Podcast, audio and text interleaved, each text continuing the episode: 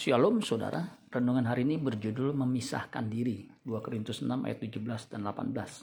Sebab itu keluarlah kamu dari antara mereka dan pisahkanlah dirimu dari mereka, firman Tuhan. Dan janganlah menjamah apa yang najis, maka aku akan menerima kamu dan aku akan menjadi bapakmu dan kamu akan menjadi anak-anakku laki-laki dan anak-anakku perempuan. Demikianlah firman Tuhan yang maha kuasa. Dengan tegas, firman Tuhan memerintahkan orang percaya untuk memisahkan diri dari pengaruh dunia yang jika dibiarkan akan membuat kita jauh dari Tuhan. Orang yang jauh dari Tuhan akan binasa.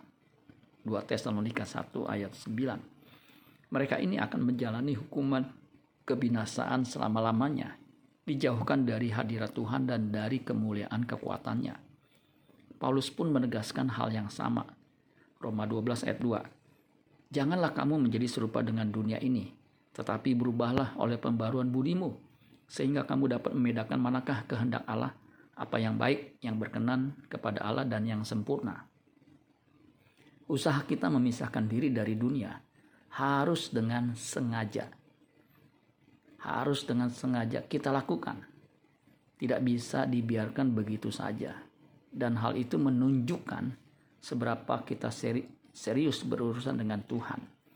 Usaha kita memisahkan diri dari pengaruh dunia dibarengi dengan kesediaan dimuridkan sehingga kita semakin serupa dengan Kristus anak Allah yang berkenan kepada Allah.